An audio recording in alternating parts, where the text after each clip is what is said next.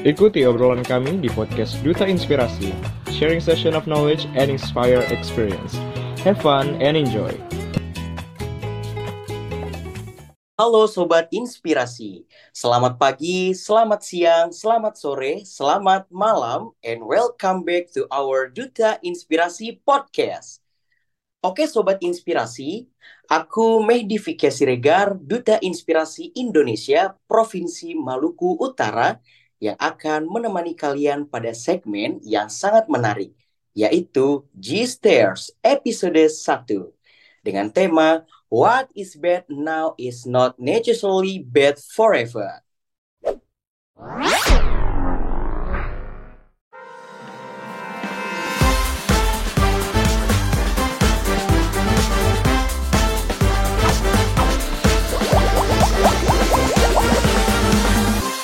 Oke Sobat Inspirasi, tanpa berlama-lama lagi karena aku sudah kedatangan narasumber yang luar biasa pada hari ini. Beliau adalah Kak Hastri Amalda. Halo Kak Amalda. Halo Medi. Wah, gimana nih Kak kabarnya hari ini Kak? Alhamdulillah baik Mehdi. Kalau Mehdi sendiri apa kabar? Alhamdulillah Kak, aku juga baik Kak. Wah, luar biasa sekali Kak ya. Oke Kak Malda, sebelum kita melanjutkan obrolan yang seru dan juga menarik mengenai tema kita pada hari ini, mungkin untuk Kak Malda dipersilahkan untuk memperkenalkan diri terlebih dahulu agar Sobat Inspirasi bisa kenalan langsung nih Kak dengan Kak Malda secara langsung Kak. Oke, baik Mehdi. Halo sahabat inspirasi yang ada di Indonesia. Perkenalkan, saya Hastri Amalda, Duta Inspirasi Indonesia Batch 5. Salam kenal semuanya. Iya, salam kenal ya Kak ya. Oke, mungkin sangat menarik sekali Kak ya. Jadi sebelum kita lanjutkan nih Kak, aku ingin menyampaikan fakta menarik nih tentang Kamalda kepada sobat, sobat inspirasi ya. Sobat inspirasi semua, perlu kalian ketahui, Kak Malda ini merupakan sosok generasi muda Indonesia yang sangat inspiratif dan berprestasi dong tentunya. Beliau ini merupakan salah satu runner-up 3 Duta Peduli Sejarah Indonesia 2023, kemudian Duta Inspirasi 2022 Provinsi Banten, dan juga runner-up 1 Duta Batik Provinsi Banten 2022. Wah, kita lihat dari prestasinya sangat menarik sekali ya, dimulai dari yang nasional hingga provinsi. Sebetulnya masih banyak lagi ya prestasi-prestasi Kak Malda itu yang aku lihat dari CV-nya itu sangat menarik sekali, yang pernah diikuti juga oleh Kak Malda. Ya semoga aku dan sobat inspirasi semua bisa mengikuti jejak langkahnya Kak Malda ya. Oke Kak, kita langsung aja mulai obrolan kita pada hari ini mengenai membangun what is bad now is not necessarily bad forever. Jadi kak, untuk pembahasan tema kali ini kita tuh melihat bagaimana sih kak kejadian ataupun hal-hal yang pernah kita alamin sama diri kita dan itu pun kita masih teringat sama hal-hal yang udah pernah kita alami sampai sekarang. Nah mungkin Kamalda masa lampau atau masa lalu itu kan masa di mana yang sudah kita lewati dan setiap orang memiliki masa lalu yang berbeda ya kak ya. Menurut Kak Malda nih, bagaimana sih Kak cara kita untuk bisa menerima masa lalu kita agar tidak menjadi hambatan bagi kita untuk bisa menjadi lebih baik di masa yang sekarang nih Kak dan masa yang akan datang. Itu bagaimana nih Kak menurut Kak Malda? Oke Mehdi, terima kasih banyak ya atas pertanyaannya. Menurut Malda sendiri terkait cara untuk menerima masa lalu ketika uh, kita uh, sudah melewati berbagai macam masa lalu yang di mana masa lalu tersebut juga uh, yang di mana bisa menghambat gitu ke depannya. Menurut Malda sendiri yang pertama kita tuh harus ikhlas, ikhlas menerima masa lalu. Karena masa lalu juga sebagian dari perjalanan dalam hidup kita. Dan kita harus ikhlas menerimanya. Karena tanpa ada masa lalu kita juga tidak ada masa depan.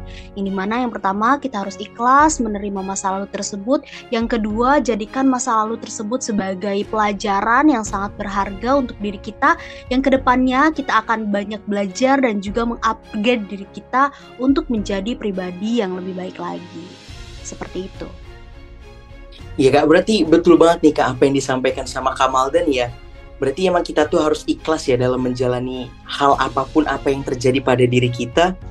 Jadi walaupun dia merasa dirinya buruk di masa lalu dia dan punya kebiasaan buruk di masa kelam dia ataupun masa lalu dia yang bikin ngerasa dia takut, gak mau buat nyoba hal-hal yang baru sehingga dia sulit untuk mengekspor dirinya untuk menjadi yang lebih baik di masa depan.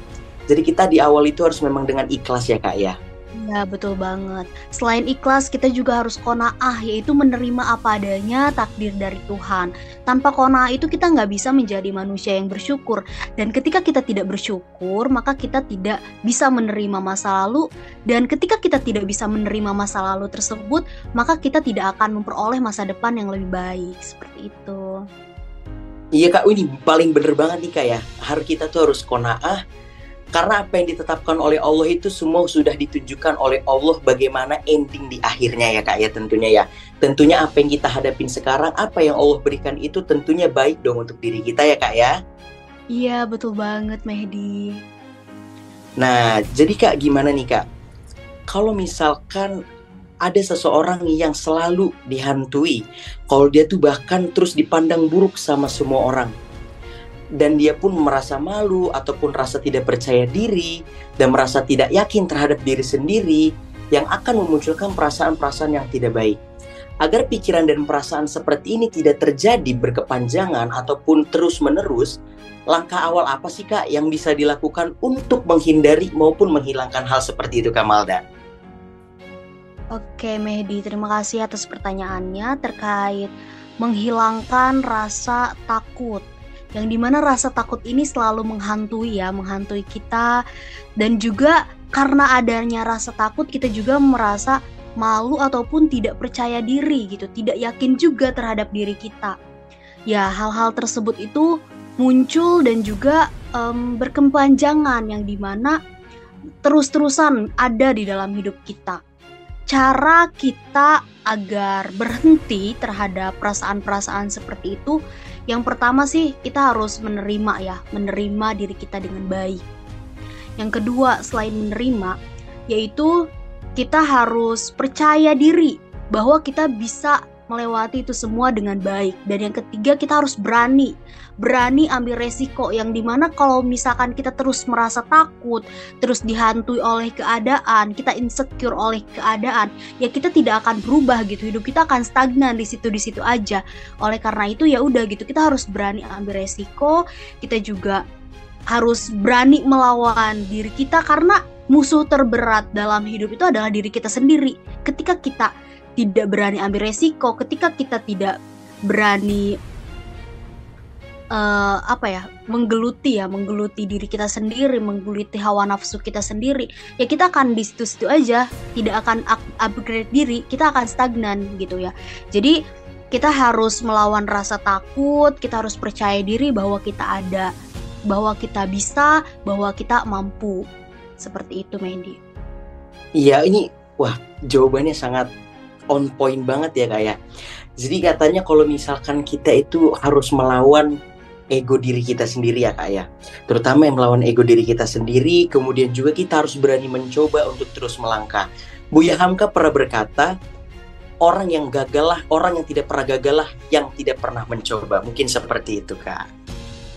Iya betul banget Mendy. Jadi kita harus berani mencoba juga tidak boleh takut ya. Rasa takut pasti semua orang kita pernah merasakan takut ya, tapi oleh karena itu gitu ya, sebagai manusia rasa takut itu wajar ya kita harus berani melawan rasa takut tersebut.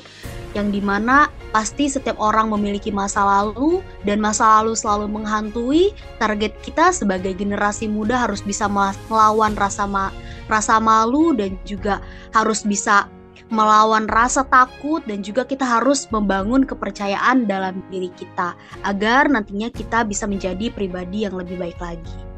Sebagian besar orang menilai seseorang selain melihat dari sikap dan perilakunya, mereka juga terkadang melihat dari sisi masa lalunya. Ada yang bisa menerima masa lalu seseorang, ada juga yang tidak. Bahkan mungkin sampai dihindari karena beranggapan bahwa seseorang itu membawa pengaruh buruk baginya. Nah, menurut Kamalda nih, bagaimana sih Kak caranya agar kita dapat mengubah mindset seseorang yang selalu beranggapan negatif atau buruk kepada orang yang pernah memiliki masa lalu yang kurang mengenakan itu. Oke, baik. Cara untuk kita mengubah mindset seseorang yang selalu beranggapan negatif atau buruk kepada orang lain yang pernah memiliki masa lalu yang kurang mengenakan. Sebenarnya, yang pertama itu yang harus dilakukan adalah orang tersebut harus merubah personal brandingnya dalam dirinya sendiri menjadi pribadi yang lebih baik lagi. Yang kedua, yang harus kita catat bahwasannya kita sebagai manusia kita hanya berusaha untuk menjadi pribadi yang lebih baik lagi. Yang di mana dengan anggapan-anggapan orang di luar sana yang beranggapan bahwa kita itu negatif ataupun memiliki masa lalu yang kelam, yaitu kembali lagi ya bahwasannya kita sebagai manusia tugas kita hanya berusaha saja dan anggapan-anggapan orang, stigma-stigma orang terhadap kita kita tidak bisa berubah. Kita tidak bisa merubahnya karena apa? Karena stigma-stigma orang terhadap kita itu penilaian-penilaian orang terhadap kita kita gak bisa atur ya. Itu bukan tugas kita, itu tugasnya Allah Subhanahu wa taala atau Tuhan yang Maha Esa seperti itu. Jadi ter terkait anggapan-anggapan negatif ya udah gitu jadikan angin, angin lalu saja kita tidak bisa merubahnya karena yang bisa merubahnya hanya Allah Subhanahu wa taala dan Tuhan yang Maha Esa. Tugas kita hanya berubah menjadi pribadi yang lebih baik lagi dan juga memperbaiki personal branding yang lebih baik lagi. Seperti itu. Iya betul Kak. Di sini aku nangkep ya. Orang beranggapan bahwasannya kita itu selalu buruk karena kita telah melakukan hal-hal yang buruk di masa lalu walaupun kita sudah berubah, orang itu bakal tetap terus beranggapan bahwasannya itu orang yang buruk di mata mereka. Nah, di sini aku menangkap bahwasanya yang harus kita lakukan adalah ya ubah dari diri kita sendiri aja dulu gitu kayak urusan penilaian orang lain itu tergantung masing-masing karena yang menilai diri kita itu adalah orang lain dan yang bisa mengarahkan diri kita itu adalah diri kita sendiri bukan orang lain seperti itu kak ya iya betul banget kalau untuk cerita aku sendiri ya aku juga pernah merasakan hal ini ya secara pengalaman pribadi aku gitu kan. Jadi um, dulu tuh waktu SD aku tuh sempet insecurity banget. Yang di mana aku tuh waktu dulu tuh badannya bener-bener kayak gendut banget terus jerawatan yang di mana stigma negatif orang terhadap aku tuh ya udah gitu. Kayak ngapain sih kamu ikut tari? Ngapain sih kamu ikut nyanyi? Karena look kamu tuh nggak cocok loh dalam bidang tersebut. Bahkan di masa SMP sama SMA pun aku beberapa kali gak jadi ikut lomba ya karena fisik aku tersebut gitu. Karena fisik aku tidak masuk ke dalam kriteria nari dan menjadi penyanyi tersebut gitu. Oleh karena itu ya udah hambatan-hambatan aku untuk mengembangkan bakat aku menjadi bakat yang lebih baik lagi ya uh, stagnan gitu di situ di situ aja. Karena apa? Karena uh, mindset dari orang lain stigma negatif dari orang lain terhadap diri aku bahwasannya uh, kamu tuh gak cocok loh kamu tuh gak cocok. Ya oleh karena itu di perkuliahan ini aku mulai merubah diri aku menjadi personal yang lebih baik lagi. Yang di mana dengan kita menjadi personal yang lebih baik lagi maka ada beberapa orang yang stigma negatifnya terhadap diri kita.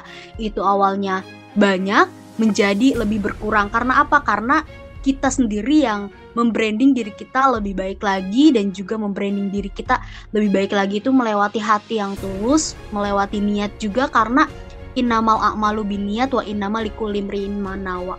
Yang di mana segala sesuatu itu dilandaskan dengan niat cara merubah pandangan orang terhadap kita apalagi pandangan-pandangan negatif ya dengan diri kita berubah menjadi personal yang lebih baik lagi seperti itu. Iya kayak perlu kita sampaikan juga ya kayak untuk sobat-sobat inspirasi Indonesia. Ketika kita mengalami hal seperti itu orang menilai kita buruk ketika kita mengikuti event dan orang beranggapan bahwasannya kita tidak cocok dengan event itu kita itu tidak mampu dalam hal itu dan lain sebagainya. Pada intinya ya teman-teman sobat inspirasi iri adalah tanda tak mampu. Mungkin seperti itu ya kak ya? Iya betul banget Medi Ya kak, kita lanjut nih kak ya.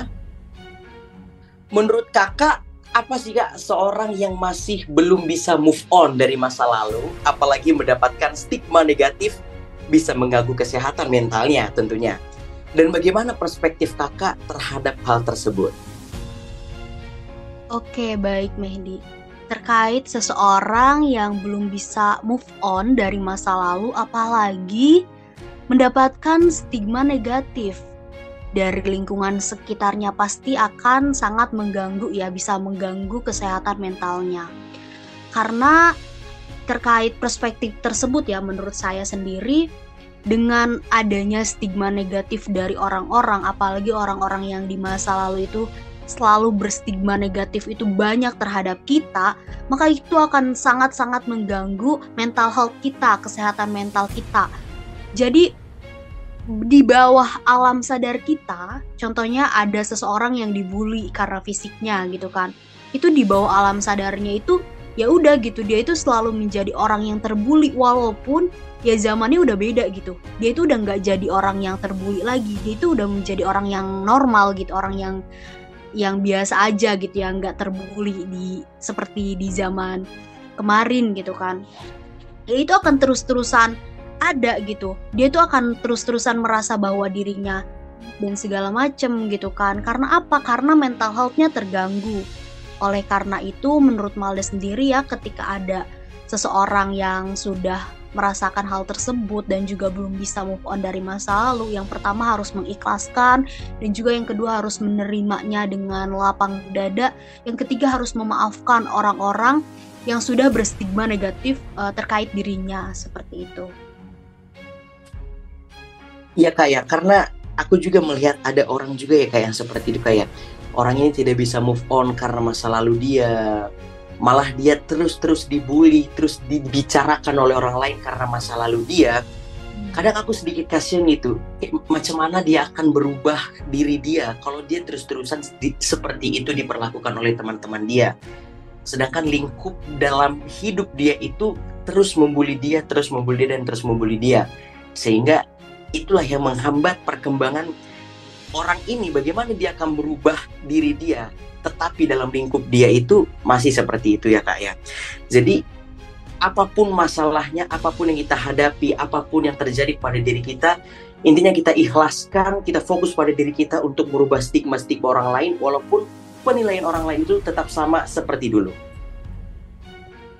Iya betul, ketika kita mengikhlaskan, ketika kita memaafkan semua yang terjadi di masa lalu, maka kita akan menerima diri kita dengan baik dan juga kita akan merubah diri kita dengan baik.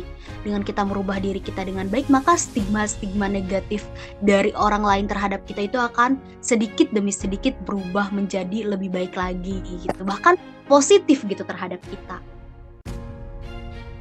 Iya kak ya, karena sesungguhnya innallaha ma'as sobirin. Sesungguhnya Allah itu bersama orang-orang yang sabar. Iya. Oke kak, menurut kakak, apakah support system itu memiliki peran penting untuk seseorang yang ingin bangkit untuk mengupgrade ataupun mengubah dirinya menjadi lebih baik? Nah ini tanda kutip support systemnya bukan itu ya kak ya?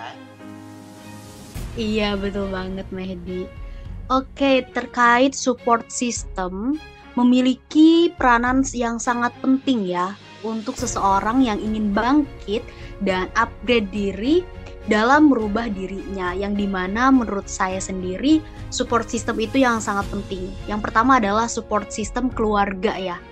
Karena pendidikan itu dasarnya dari keluarga. Terus juga pembentukan karakter anak juga seorang anak datangnya dari keluarga dengan memiliki keluarga yang baik dan juga keluarga menjadi support system yang baik, maka akan sangat-sangat menunjang seorang anak itu dalam mengupgrade dirinya untuk menjadi pribadi yang lebih baik lagi. Selain keluarga itu siapa sih? Selain keluarga adalah lingkungan. Lingkungan itu ada di mana saja? Yang pertama, lingkungan pendidikan. Lingkungan pendidikan ini merupakan support sistem yang baik. Siapa saja sih yang ada di lingkungan pendidikan itu? Yang pertama adalah guru. Jadi guru juga merupakan support sistem yang baik ya dalam upgrade diri kita. Yang kedua teman-teman, organisasi, teman-teman kelas itu juga sangat-sangat penting ya menjadi support system yang ada di dalam diri kita.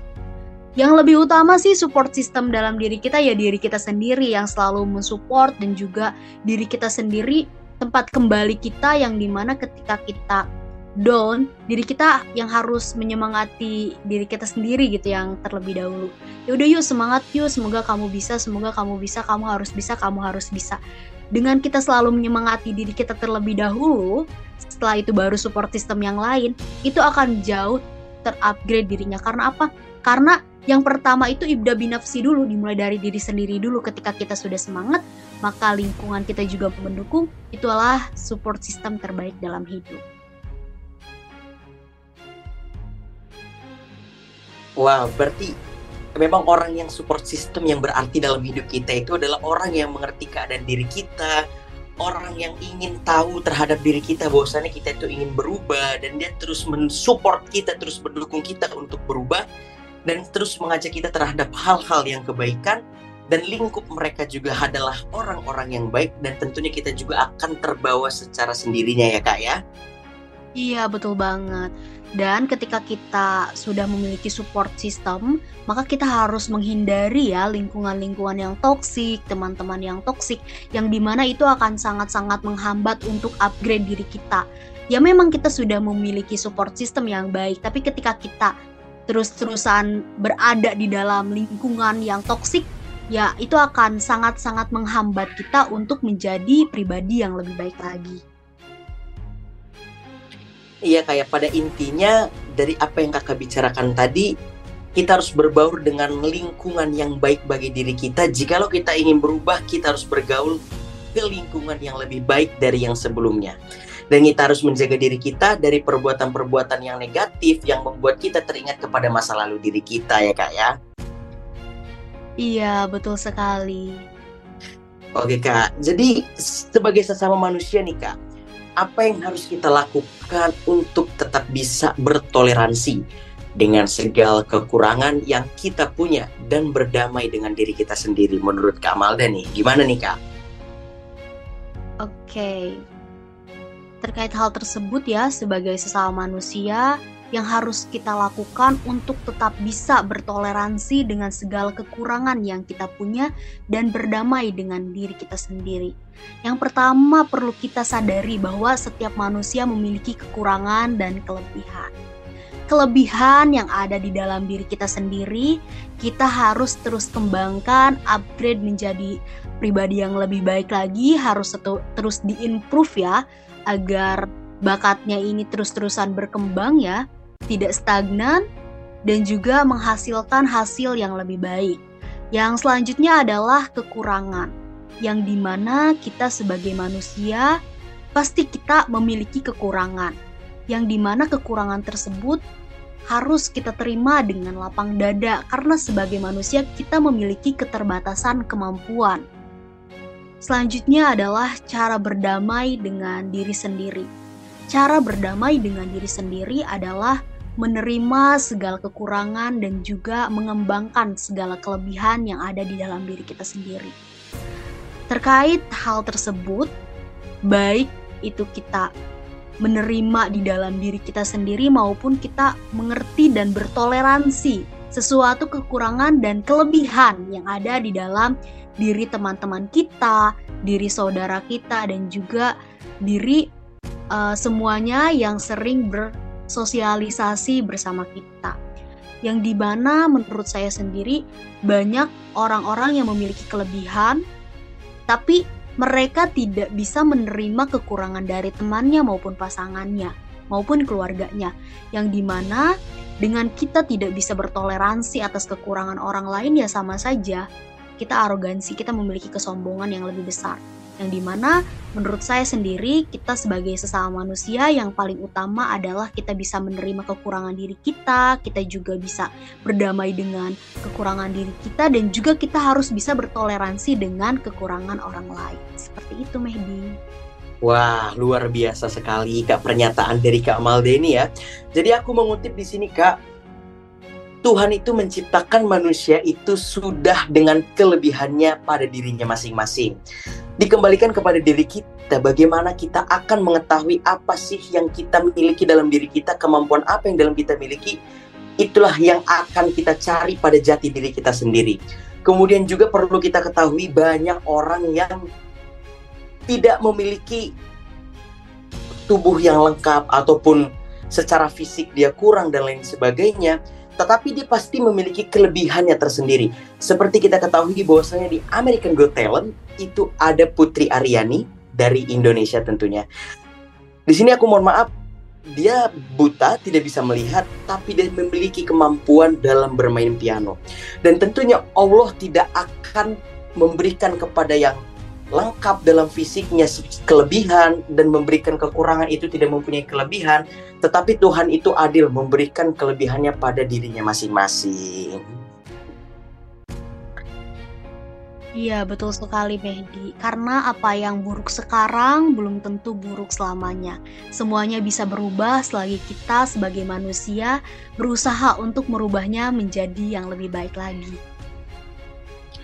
Iya, Kak. Oke, Kak. Itu merupakan jawaban penutup nih, Kak, dari Kamalda ya.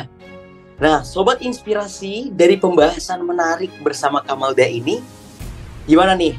pasti pembahasan kita pada malam hari ini sangat bermanfaat banget kan? Kalau menurut aku pribadi, ini luar biasa dan sangat bermanfaat banget.